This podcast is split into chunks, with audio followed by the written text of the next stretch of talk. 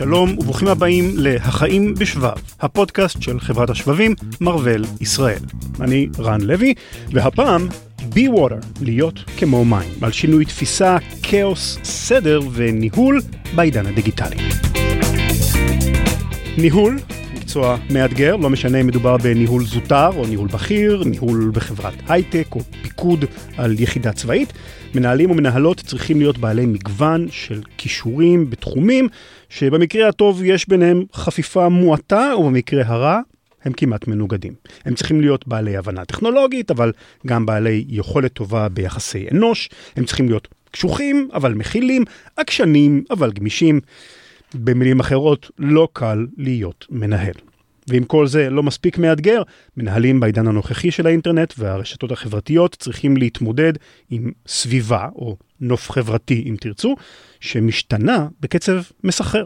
חברות יכולות להפוך לשנואות במחי ציוץ אחד שהופך לוויראלי, ומה שהיה non issue לפני שנה, למשל כמו המונחים slave ו master בעולם התוכנה, יכול להפוך לבעייתי ומוקצה פחות או יותר בן לילה. אני רוצה להקריא לכם ציטוט קצר של הסופר צ'ארלס דיקנס, אחד מהמפורסמים שלו, שכתב כך, היה זה הטוב בזמנים, היה זה הרע בזמנים.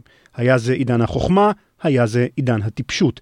היה זה תור האמונה, היה זה תור הספקנות. היו אלה ימים של אור, היו אלה ימים אפלים, היה זה אביב התקווה, וזה היה אחור. אני חושב שאתם מבינים את הסביבה המאוד מעניינת, את התקופה המאוד מעניינת שאנחנו חיים בה, והשאלה שמעניינת אותנו היום היא כיצד יכולים מנהלים, וכפועל יוצא גם ארגונים וחברות, להתמודד עם השינויים המהירים והפתאומיים האלה.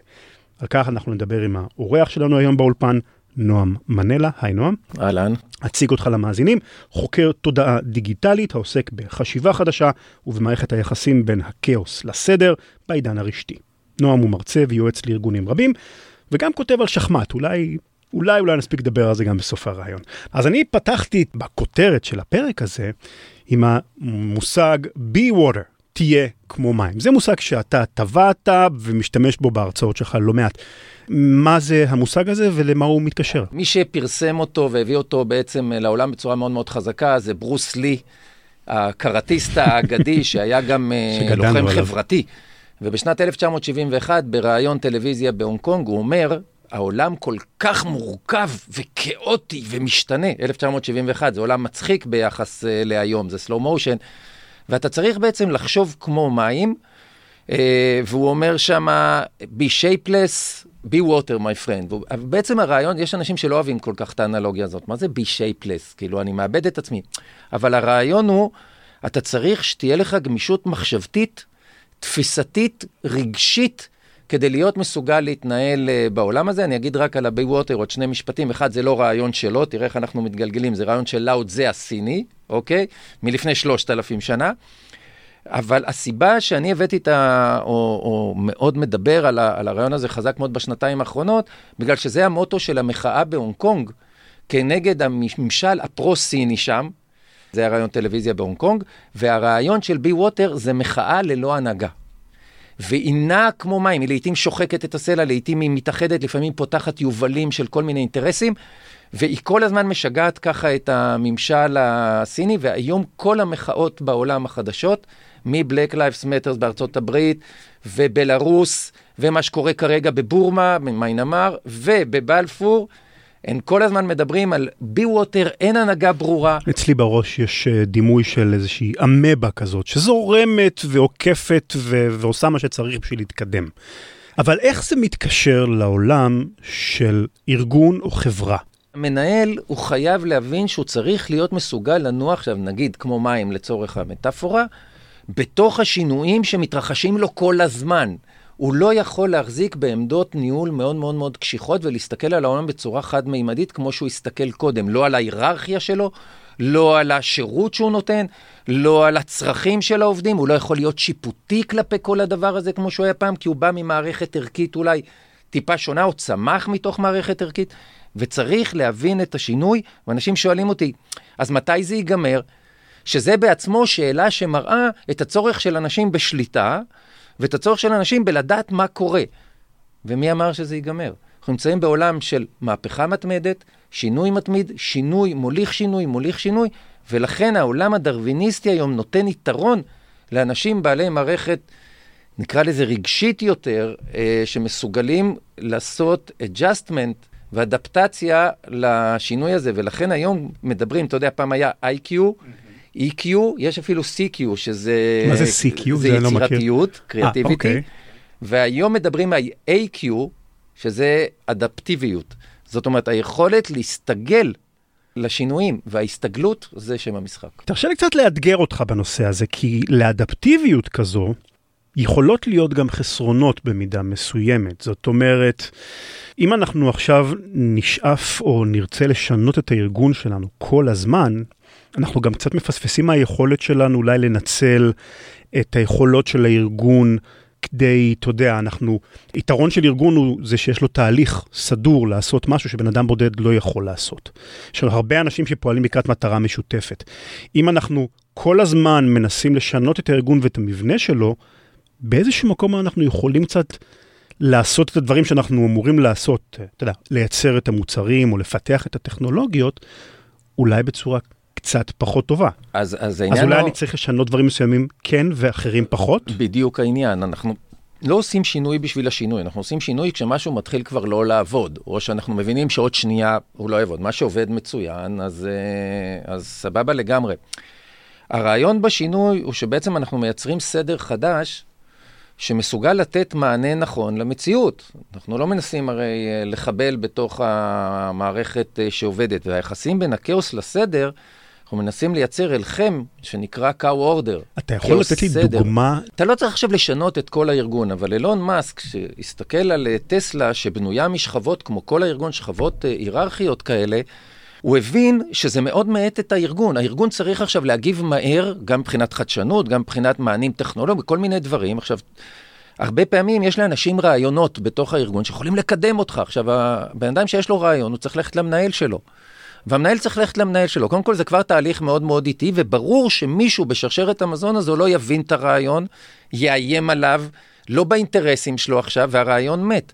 ובעצם הארגון עובד בלחנוק את החדשנות של עצמו. ככה כמעט כל ארגון בנוי. בא אילון מאסק ואמר, הדבר הכי מטומטם בארגון, זה האיסור על עקיפת סמכות. ובמייל שהוא מוציא בטסלה, הוא אומר, כל אחד יכול לפנות לכל מי שהוא רוצה, אם יש לו איזשהו רעיון.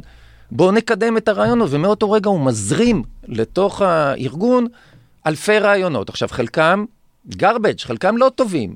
והארגון כאילו, אה, אתה יודע, משקיע בהם קצת איזה אנרגיה. אבל בסוף, בתהליך אה, אבולוציוני, נשארים הטובים, ויכול להיות שזה מקדם אותו מאוד. אני את הרעיון הזה הצעתי לארבעה מנכ"לים גדולים במדינת ישראל, בתחומי הפיננסים, ההייטק, התקשורת. כמה לדעתך מתוכם הסכימו בכלל לדון על הרעיון הזה? שאלה קשה. אפס מארבע יש לי. אפס מארבע. זה לא שדנו ומצאו בו חסרונות. הם אמרו, עזוב, אתה רוצה לעשות לי רעש במערכת. עכשיו, זה בדיוק החשיבה הישנה, שרוצה את המערכת בשליטה, מאוד מאוד שקטה ומאורגנת ומסודרת, ומפחדת מקצת כאוס שנכנס פנימה, ומסדר, מייצר את הכאוס סדר החדש, שנותן לארגון חיות, דינמיות ואפשרות להתנהל בתוך הדבר הזה. ולכן היום אנחנו מדברים למשל על היררכיה רב-מימדית.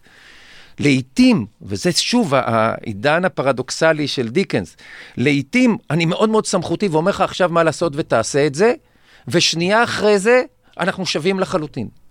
ותחשוב איזה מערכת אה, נפשית, רגשית, זה דורש מאיתנו, מערכת אחרת. קודם כל, אני, אם אני שם את עצמי בנעליהם של אותם CEOים, מנכ"לים של חברות שאתה אומר, דחו את הקונספט הזה, זה, אני יכול להזדהות איתם כי...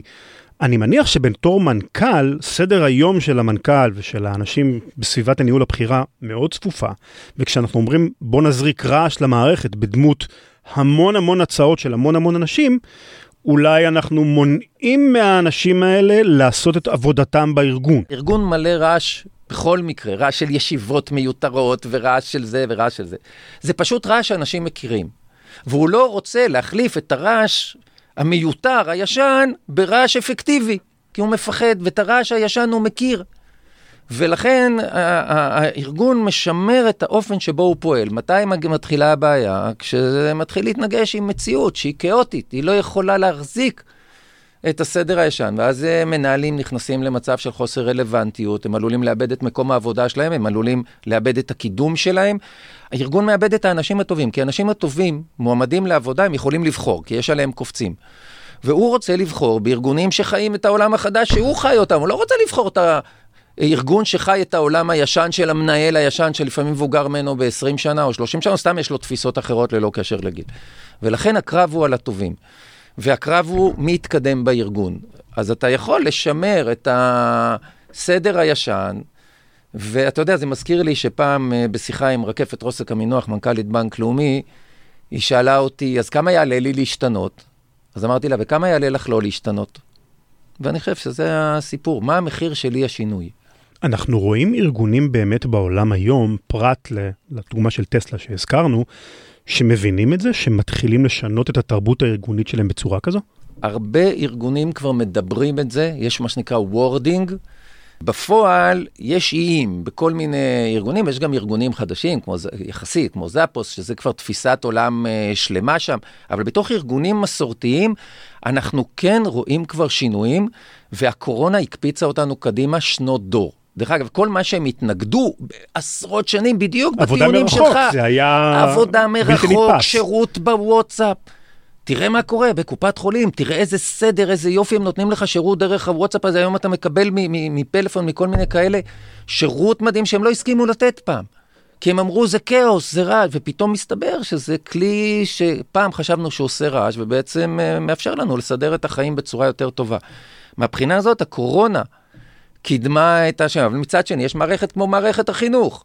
שהיא כנראה לא הבינה הרבה על הדבר הזה, ובשנייה שמאפשרים להם לחזור לעולם הישן, הם חוזרים ללוח וגיר הרגילים, והם נמצאים במקום, אה, למרות שגם שם מלמטה קורים דברים אה, מדהימים. כן, זה אני מכיר, הרבה סטארט-אפיסטים בתחום, נכון. באמת קשה להם לשנות את הארגון, כי זה באמת ארגון של דורות. מקובעים. נכון, אז, אז באה הקורונה ושמה להם משהו מול הפנים, ועכשיו אתה יודע, יש להם את הבחירה, האם לזהות את, ה, את המתנה שהם קיבלו, מיד אחרי הסגר הראשון, מנכ"ל משרד החינוך, כבר לא נמצא בתפקיד, הוא הוציא חוזר שאומר, מבחינתנו לא קרה כלום, חוזרים כרגיל. בעיניי זה, זה, זה, זה, זה, זה נורא, זה כאילו... אני חושב שהבאס הזה שמפספסים את העיקרון הקלאסי של כל משבר הוא גם הזדמנות. זאת אומרת, הנה, העולם זרק אתכם עכשיו לתוך קערה מבעבעת שאתם חייבים לשחות בה, תשחו. אז, אז שאלת אותי קודם על ארגונים, אז כל עוד זה עובד, ארגונים לא ישנו כלום, גם בן אדם, זה, זה הטבע שלנו. אבל כשיש משבר, אני לא רוצה להשתמש בקלישאה הזאת של ההזדמנות, זה קלישאה אבל, אבל היא נכונה. אבל ארגון כן. צריך לזהות את המשברים ולהגיד, זה הרגע שלי להשתנות. זה באמת, כי זה במילא לא עובד לי, אז יאללה, בוא, בוא, בוא, בוא פה נהיה נועזים. יש באמת איזו תופעה מעניינת שתמיד סקרנה אותי בשנים האחרונות, ואני לא מצליח אף פעם להסביר אותה לעצמי. אולי דרך המשקפיים שלך אני אצליח להבין אותה. הרבה חברות, גוגל, מייקרוסופט והרבה הרבה אחרות, נותנות אה, תוכנות בחינם, open source, פותחות את ה frameworks ואת הספריות תוכנה שלהם, וממש נותנות פטנטים, דברים כאילו ששווים המון כסף וזמן אדם, בחינם לקהילה. הם תפסו משהו שאולי אני לא תפסתי? אז, אז כאן אתה, אתה נכנס לנושא אחר מרתק של המקום של הארגון בתוך החיים שלנו. אם פעם חיינו בבועות, לא בועות כמו שמדברים היום על הרשת, אלא הארגון היה שטח סטרילי, אתה בא לארגון, הולך הביתה, תפקידו לעשות כסף. מייקל ג'ורדן בזמנו, אם, אם, אם ראית את הביוגרפיה שלו בנטפליקס, אני רוצה לקלוע לשלוש ואני רוצה להיות אלוף ה-NBA פעם אה, חמישית רצוף. היום זה כבר לא יכול לעבוד, מפני שמה שקרה זה שקרסו השטחים הסטריליים. הדבר הזה נגמר. אין שום שטח סטרילי בעולם, ולא בתי ספר, לא צבא, ולכן יש לנו מחאות היום, מחאות תלמידים, שעשו כבר עשר מחאות בשנה וחצי האחרונות, מחאות חיילים, מחאות עובדים, מחאות לקוחות, מחאות אזרחים. זאת אומרת, העולם שבו אני יכול לשמור את עצמי בצד כבר לא עובד. ומה שקורה כתוצאה מהדבר הזה, כל ארגון הופך להיות חלק מה ecosystem הכללי. הוא מושפע מאוד מה ecosystem, בגלל שהעובדים שלו מושפעים, הם לוחצים את המנהלים, הם לוחצים את הארגון, הלקוחות, ובמחקר שהתפרסם של מכון אדלמן, שבודק את הקשר, אה, רמות האמון שלנו מול ארגונים, מדינות, תאגידים, הוא מצא אה, משהו חוצה עולמי, שבחברות הייטק, 90% מהעובדים בעולם דורשים מהמנכ"ל לבטא עמדות ברורות ביחס לדברים שקורים בעולם, ביחס לאקלים. כל מיני סוגיות ש... סוגיות, אקטואליות כאלה ואחרות. אקלים, גזענות, אפרופו master ו slave. למה מייקרוסופט, שהיו הראשונים להגיד, כי הם פתאום הסתכלו על המחאה בארצות הברית, העובדים שלהם, יש להם עובדים שחורים שם, יש שם עובדים אה, ליברליים שהם נגד אה, אה, גזענות, או שזה מעצבן אותם? אני רק אתן context למאזינים שלנו. GitHub, שהיא בעצם מאגר התוכנה הגדול ביותר בעולם, השתמשו במונחים master ו slave כחלק מה... מהתצורה שהמערכת שלה עובדת, והחליטו לשנות את זה עכשיו, פתאום המונחים master ו slave יצאו מהשולחן. תמשיך. אז, אז, אז העידון הזה של ה... מאיפה מגיעה השפה שלנו, מה היא מבטאת, זה נכנס כמובן לכל פינה של החיים, אז גם מייקרוסופט הודיעו שאין אין אצלהם יותר השימוש ב master ו slave, וזה מגיע ליותר ויותר חברות אה, הייטק. זאת אומרת, הארגון לא יכול להיות שטח סטרילי שהוא קורא לזה master ו slave, ולא משנה מה קורה אה, בחוץ. דרך אגב, עד כמה זה חזק, אז הזכרת קודם את השחמט, אז אה, גם בשחמט פתאום התחילו שאלות, למה לבן תמיד מתחיל? שזה הדבר הכי obvious בעולם. כן, ככה זה היה כמעט תמיד, אני מניח, מסתבר, לא? אז זהו, אז מסתבר שלא, זו החלטה מארצות הברית, בסביבות 1860. לפני זה זה היה רנדומלי לחלוטין. והם אמרו, רגע, מי שמתחיל יש לו יתרון, מה פתאום שהשחורים יקבלו יתרון? זאת אומרת, מדובר בהחלטה פוליטית גזענית. והלבן קיבל יתרון, ואנחנו צמחנו לתוך הדבר הזה, והיום נשאלות שאלות, וכבר יש תחרויות של רנדומליות. זאת אומרת, אנחנו נמצאים בעולם שבוחן את שאלות היסוד, הוא לא משאיר אבן על אבן. כי אם תחשוב על זה, לראשונה בהיסטוריה האנושות מחוברת בכזאת עוצמה וקצב דרך הרשתות והדיגיטל, ואנחנו עובדים כנחילים, ולכל נחיל כזה יש אג'נדה, והוא מנסה אה, לשפר או לשנות את העולם בהתאם לאג'נדה שלו. ואם הנחיל עכשיו עובד על גזענות, אז הנחיל של השחמטאים שעובדים בגזענות בשח, יבדוק את השחור והלבן, ובהייטק את ה master ו slave, ואם זה נשים, את השכר שלהם, וככה הדבר הזה אה, ירוץ. רק לפני אה, כמה זמן, מנהלת ה-AI המיתולוגית של גוגל פרסמה מאמר לבד, והם אמרו לה, המאמר לא מספיק טוב, אסור היה לך לפרסם אותו, ופיטרו אותה. היא יוצאת אתיופיה. תוך יומיים, אלפי חתימות בגוגל כנגד uh, הפיטורים האלה, וזה יוצא החוצה לכל מיני uh, דברים שעשו גם uh, בחוץ, בכל מיני חבלות קטנות שעשו להם. והם אומרים, זו החלטה גזענית, כי היא יוצאת אתיופיה וכו' וכו' וכו'. בעצם, פתאום הנכונות הזו של חברות גדולות לתרום לקהילה במונחים של לתת כלים ותוכנות ופטנטים, זה כמענה לאיזשהו לחץ פנימי כזה של העובדים. זה לא לחץ פנימי. שרוצים שהחברה כבר לא תתרכז רק בבועה הקטנה שלה, אלא תתרום הלאה. הלחץ הוא לא רק פנימי, אתה מבין? זה עוד פעם איזה מגירה. הלחץ הוא, הוא גם פנימי של העובדים, הוא גם של הלקוחות שמצפים שהחברה, אולי גם של הילדים של המנכ"ל, שלוחצים עליו, מה החברה שלך, אה, או התאגיד שלך עושה למען העולם, או למה הוא עושה פרסומת כזאת אה, שוביניסטית, או גזענית, או... זאת אומרת, ה ecosystem הוא בכל פינה שלנו, וזה מעלה דילמות ניהוליות ענקיות. אני רוצה לתת ככה דילמה ניהולית mm-hmm. של הוועד האולימפי. אם לא הייתה קורונה, הייתה אולימפיאדה 2020 בטוקיו. ובערך שלושה חודשים לפני ה... התכנס הוועד האולימפי, ופתאום הוא הבין את הרעיון הזה שאין שטחים סטריליים. וכל uh, פינה של, ה... של החיים זה מקום להבעת uh, דעה ואג'נדה. ואז הוא אמר, רגע, מה יקרה בטקס הענקת המדליות עכשיו באולימפיאדה? כל טקס כזה יבואו האפרו-אמריקאים, ויבואו הלהט"בים, ויבואו האקלימים, ויבואו המגדריים. רגע, אנחנו, אנחנו רוצים את זה? אנחנו יכולים לשלוט בזה? מה לעשות עם הדבר הזה? ומה, מה, איך מתמודדים עם זה? דרך אגב, הוא קיבל החלטה מאוד מאוד uh, מעניינת, לא בטוח שטובה, אבל הוא אמר, ההחלטה שלנו זה שבכל הכפר האולימפי ובשטח התחרויות הם יכולים לצלם, לעלות לטוויטר, תעשו מה שאתם רוצים. בבקשה, בטקס הענקת המדליות, שהוא מין מכובד כזה, ליבד הוועד האולימפי, אל תעשו את זה. הוא רק מבקש. הוא לא יכול לאכוף. אז, אז הוא, הוא מבקש, אם קצת כאילו נאכוף את זה, הוא יכול לאכוף את זה, הוא לא יכול לאכוף את זה, ולכן הוא צריך לבקש את זה, ואני לא בטוח כמה יעתרו לזה. ולכן אנחנו נמצאים בדילמות ניהוליות מאוד מאוד מאוד גדולות. אז, אז אם אני עכשיו באמת בדילמה ניהולית כזו, אז יש לי שני פתרונות או דרכי פתרון אפשריים. אחד זה כמו שאתה אומר, be water, תהיה גמיש, תשתנה בהתאם, אבל אולי דווקא יבואו, אה, אתה יודע, אנשים עם mindset אחר ויגידו, אולי דווקא הפתרון זה לנסות למנוע את ההשפעות האלה, הפנימיות והחיצוניות.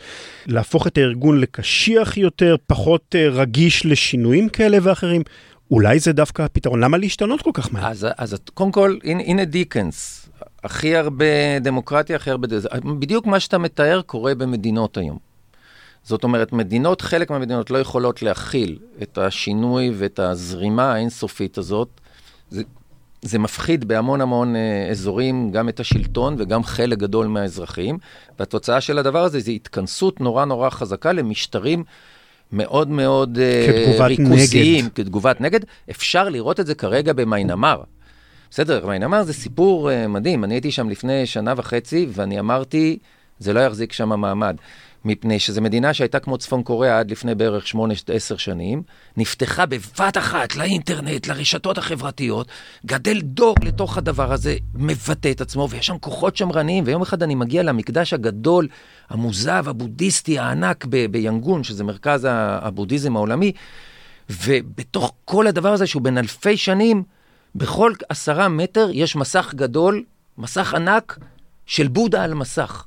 ואני ראיתי את הדבר הזה של ניסיון להכניס את החדש עם הישן, והיה לי ברור שהכוחות השמרנים לא, לא, יחלי, לא, יוכלו לא להכיל את זה.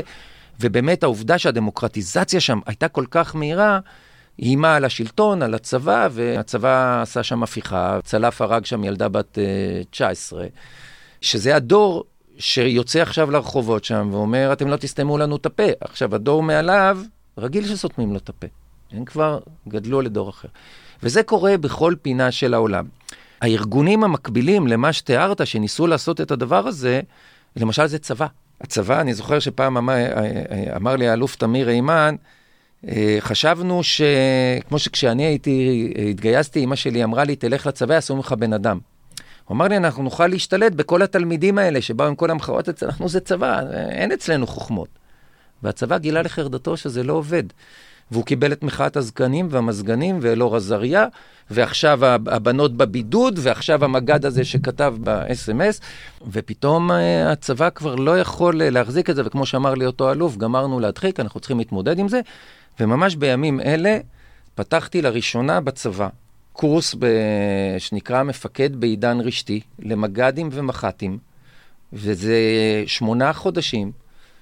מסע של uh, מפגשים פעם בשבועיים של כמה שעות, להבין את העולם הרשתי הזה לעומק, כדי שהם יהיו מסוגלים לתת מענה לצרכים המשתנים, כי יש בעיית מוטיבציה של לקוחות, של לקוחות, אני אומר, של חיילים. אתה רוצה שהחיילים האלה ילכו אחריך. ואם הם אה, לא, אתה לא מבין אותם והם לא מבינים אותך, הם לא ילכו אחריך. אז מה אתה מצפה בעצם ממנהל או מפקד? אני חושב שמפקד, גם בתור מישהו שבעצמי הייתי קצין לפני הרבה הרבה שנים, הוא איפשהו קצת אה, מין מנהל, אבל בצורה קיצונית יותר. יש לו כוחות מסוימים ותפיסות מסוימות שדורשים ממנו, אבל זה מנהל, בגדול. מה אתה מצפה ממנו עכשיו להשתנות? אני מצפה שיהיה מסוגל לנוע בין שלושה מצבי צבירה. ניהול סמכותי והיררכי, מנטורינג ומערכת אה, על סף ה... לא רוצה להגיד חברית, אבל אה, מין אה, שוויונית, מה שנקרא מערכת היררכית רב-מימדית. זה מאוד מאוד קשה, כי בדרך כלל, אם אתה סמכותי, אתה סמכותי לכל אורך הדרך. וזה כבר לא יכול לעבוד. אתה יודע, אני אספר עוד סיפור על הצבא, כי הוא מקסים, עמדתי ליד מג"ד גולני, והוא בדיוק קיבל אה, הודעה, והוא מראה לי אותה, הוא כולו מזועזע. חייל בגדוד פתח קבוצת וואטסאפ. ואתה יודע איך זה בצבא, זה הפלוגה בלי המ"פ, הגדוד בלי המג"ד, אבל בכל זאת הם הכניסו אותו.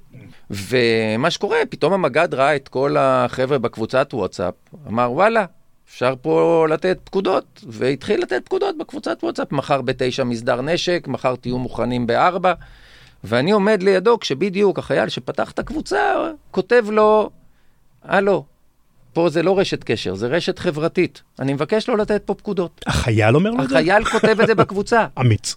עכשיו המג"ד, המג"ד מסתכל עליי ואומר לי, אני אכניס אותו לכלא. אז אמרתי לו, סבבה, תכניס אותו לכלא, יעיף אותך מהקבוצה, תגיד לי מה יותר חמור. אבל זו שאלה אמיתית, זו שאלה מי שולט בתודעה של הגדוד.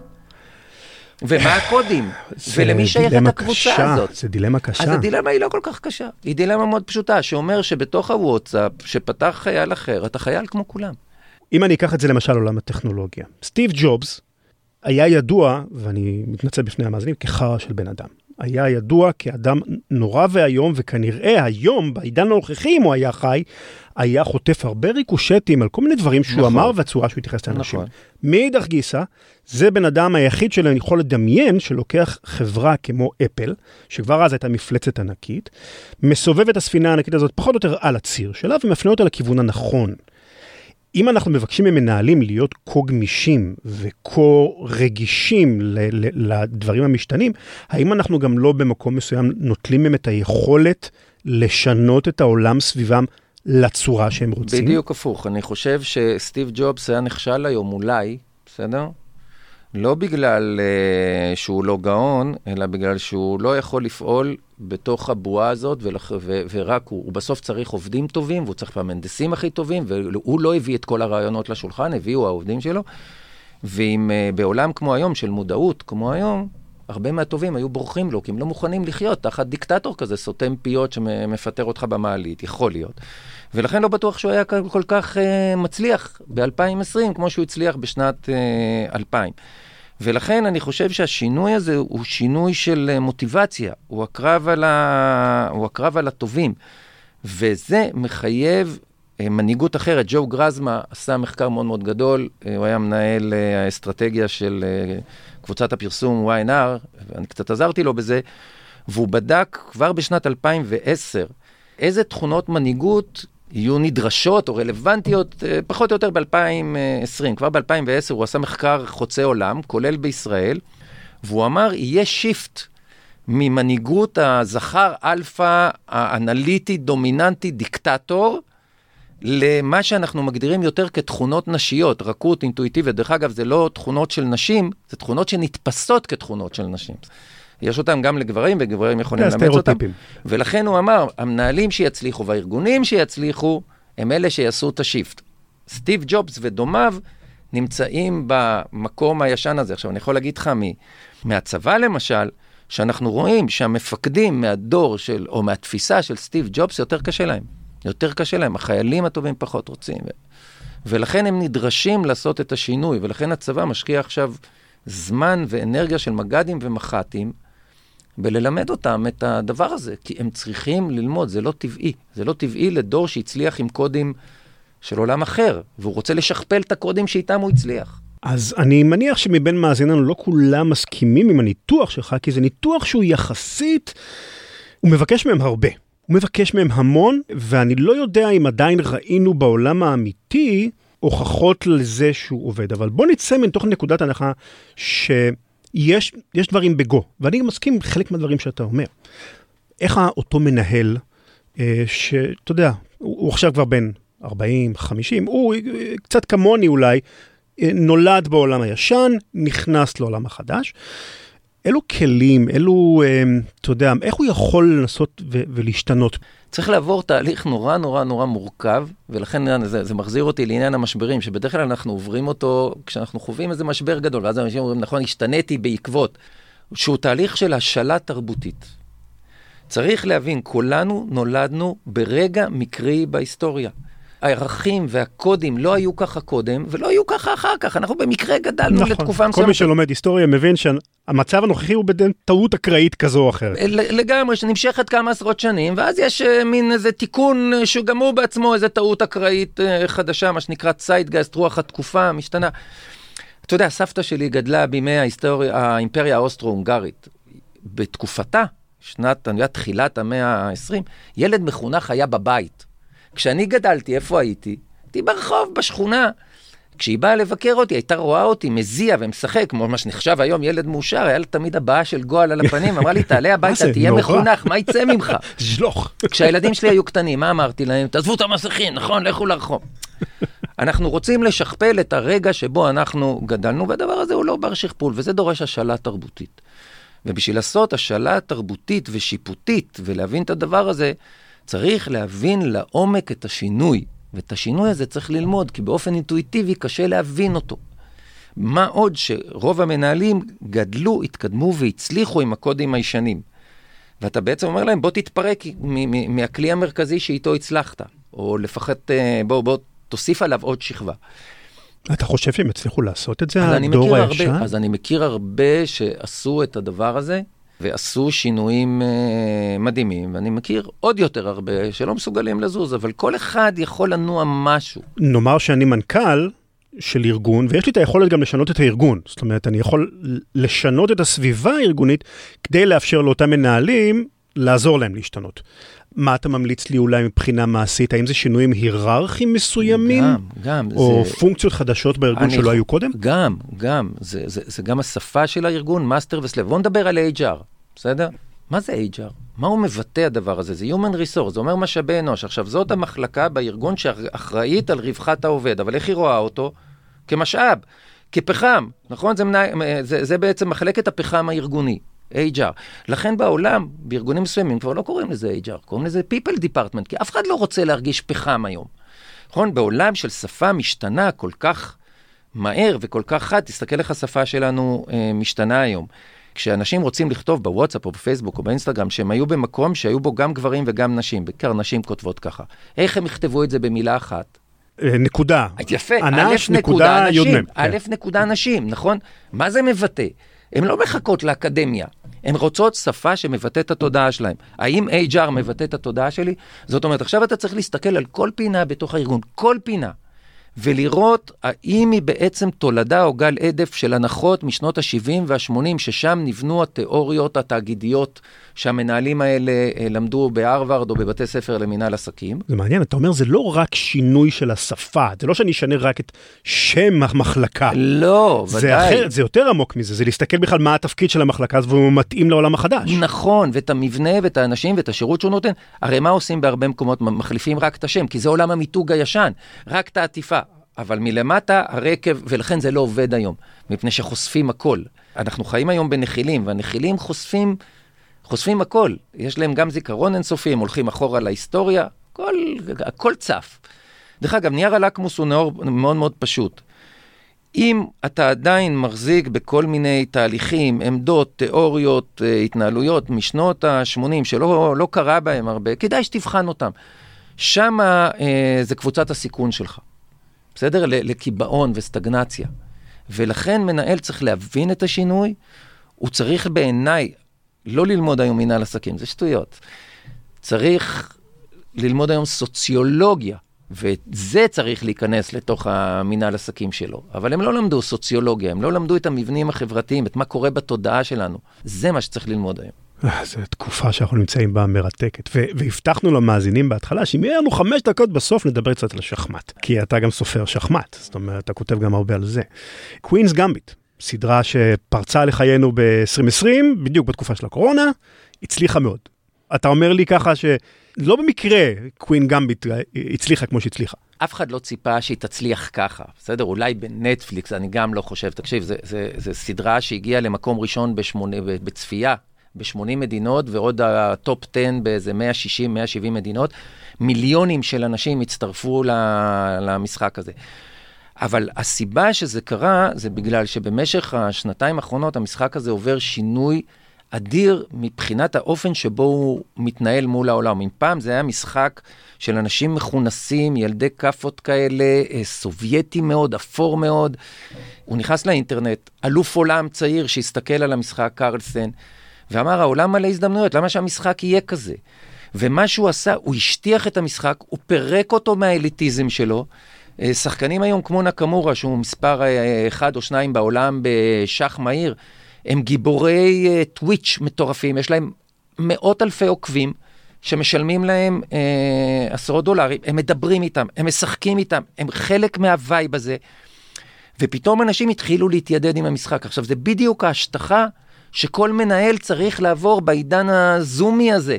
אתה לא יכול להחזיק את ההיררכיה הישנה ואת האליטיזם הישן בתוך עולם שכבר כבר התפרק מזה. ג'סינדה ארדרן, ראש ממשלת ניו זילנד, מודיעה, היא גם, דרך אגב, חיה בעולם הסמכותי, מה שנקרא העולם של החליפות, ויודעת לחיות שם, והיא גם נכנסת לזום עם טרנינג ופיג'מה, והיא מודיעה לאזרחי ניו זילנד, איזה באסה, הולכים לסגר של שלושה שבועות. כי אנחנו צריכים לנוע היום בין הסכמות של החליפות של העולם הישן, של מה נקרא מכובד ומה לא, לבין הסכמות החדשות.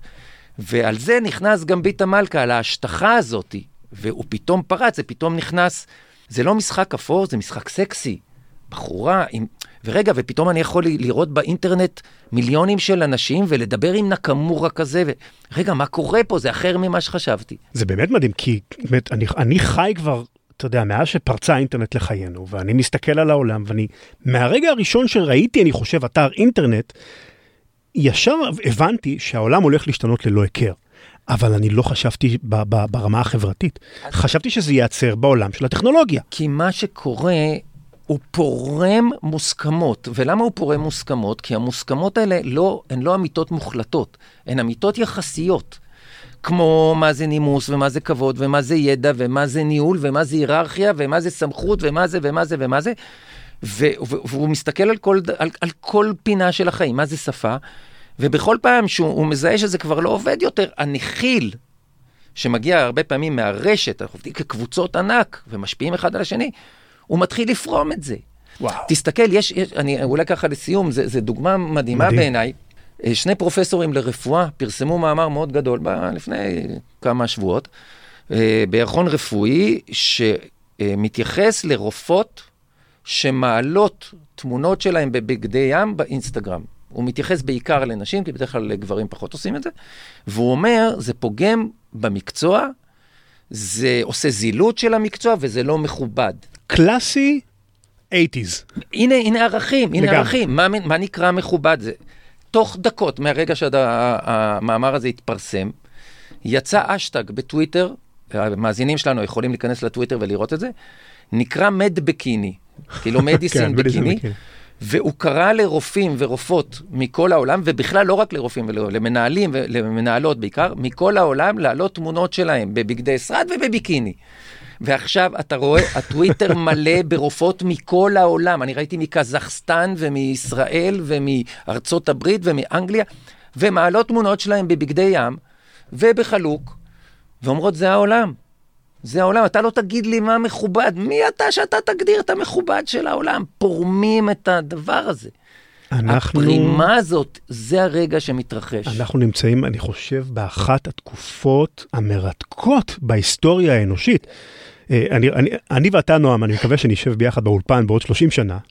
הילדים שלנו גודלים לתוך מציאות כל כך שונה, אתה יודע, אני קצת מדמיין לעצמי איך הרגישו אנשים לפני 200 שנה שהיו על סיפו של עידן המהפכה התעשייתית, וראו את העולם שלהם משתנה, ולא היה להם שמץ של מושג שהשינוי לא הולך להסתיים ברק uh, מכונות חקלאיות מתוחכמות יותר, אלא זה הולך להיות משהו שיחצה את כל הגלובוס. וזה עוד היה שינוי איטי ביחס לשינוי למה היום. שקורה היום. ומה שקורה היום הוא שינוי הוליסטי, להבדיל מהמהפכה התעשייתית שהייתה בעיקר ארגונית. אה, למרות שהיא יצרה כמובן גלי הדף, אנחנו נמצאים היום במהפכה תודעתית, זה שאומר שאנחנו רבים על כל דבר, בסדר? מה זה מכובד? איך אומרים אנשים, או א' נקודה נשים, ראש עיר או ראשת עיר לצורך העניין הזה. למשל, אבשלום קור אמר, תגידו ראש עיר. אנשים לא מעניין אותם הפועה להתפעל שלו, הם רוצים שפה שמבטאת, ולכן אנחנו בעצם, מה זה סמכות, מה זה היררכיה, מה זה מפקד בצבא. על הכל יש את זה, זה, זה חיכוך הוליסטי. וזה עושה שינוי נורא נורא דרמטי, מבלבל את כולם, ולכן זה דורש הבנה נורא נורא גדולה. אני יכול להגיד לך מניסיוני כיועץ להרבה מאוד ארגונים, שכשעושים את השינוי הזה ונעים בתוכו, משהו בדרך כלל קורה, לרוב חיובי, אבל יש לזה מחירים. זה לא רק עולם שכולו טוב. אז אני חושב שאפשר לסכם את השיחה שלנו ולומר שגם אם אה, חלק ממאזיננו אולי לא מסכימים עם התוצרים של מה שאתה אומר, אולי עם דרכי השינוי שהם צריכים לעבור, ומי יודע, אם, אם, אתה יודע, יכול להיות שכשנשב פה בעוד 30 שנה, אתה תגיד, כן, אני יותר מאוחר הבנתי משהו אחר. אין עוררין על זה שאנחנו עכשיו בעיצומו של שינוי אדיר, והשינוי הזה הולך לסחוף את כולם, זאת אומרת, אתה, אין ארגון חברה. שהוא עכשיו יישאר כמו שהוא. לא ארגון, לא חברה, לא מדינה, דבר. לא מגזר, לא מגדר. זה, זה כאילו פורם הכל ובונה ומחפש את הבנייה מחדש של, ה, של הדברים האלה, אנחנו רואים את זה בכל, uh, בכל פינה. ואני מציע להיפרד מהשיפוטיות כלפי השינויים האלה וללמוד אותם, כי השיפוטיות היא תולדה של פחד. ובעצם היא מייצרת בורות. וצריך להבין את העולם, כי מי שלא מבין את העולם היום, הוא בעצם בין עיוור לבור ועם הארץ בתוך עולם שדורש דורש mindset אחר, וזה נורא נורא קשה ומורכב. תפתחו ומרתק. את העיניים, תפתחו את המוח. ותפתחו את המוח. be water. be water, my friend, כמו uh, שאמר. תודה רבה, נועם. אם uh, אנשים רוצים לשמוע עוד ממה שיש לך לומר, איך. הם uh, יכולים להשיג את זה?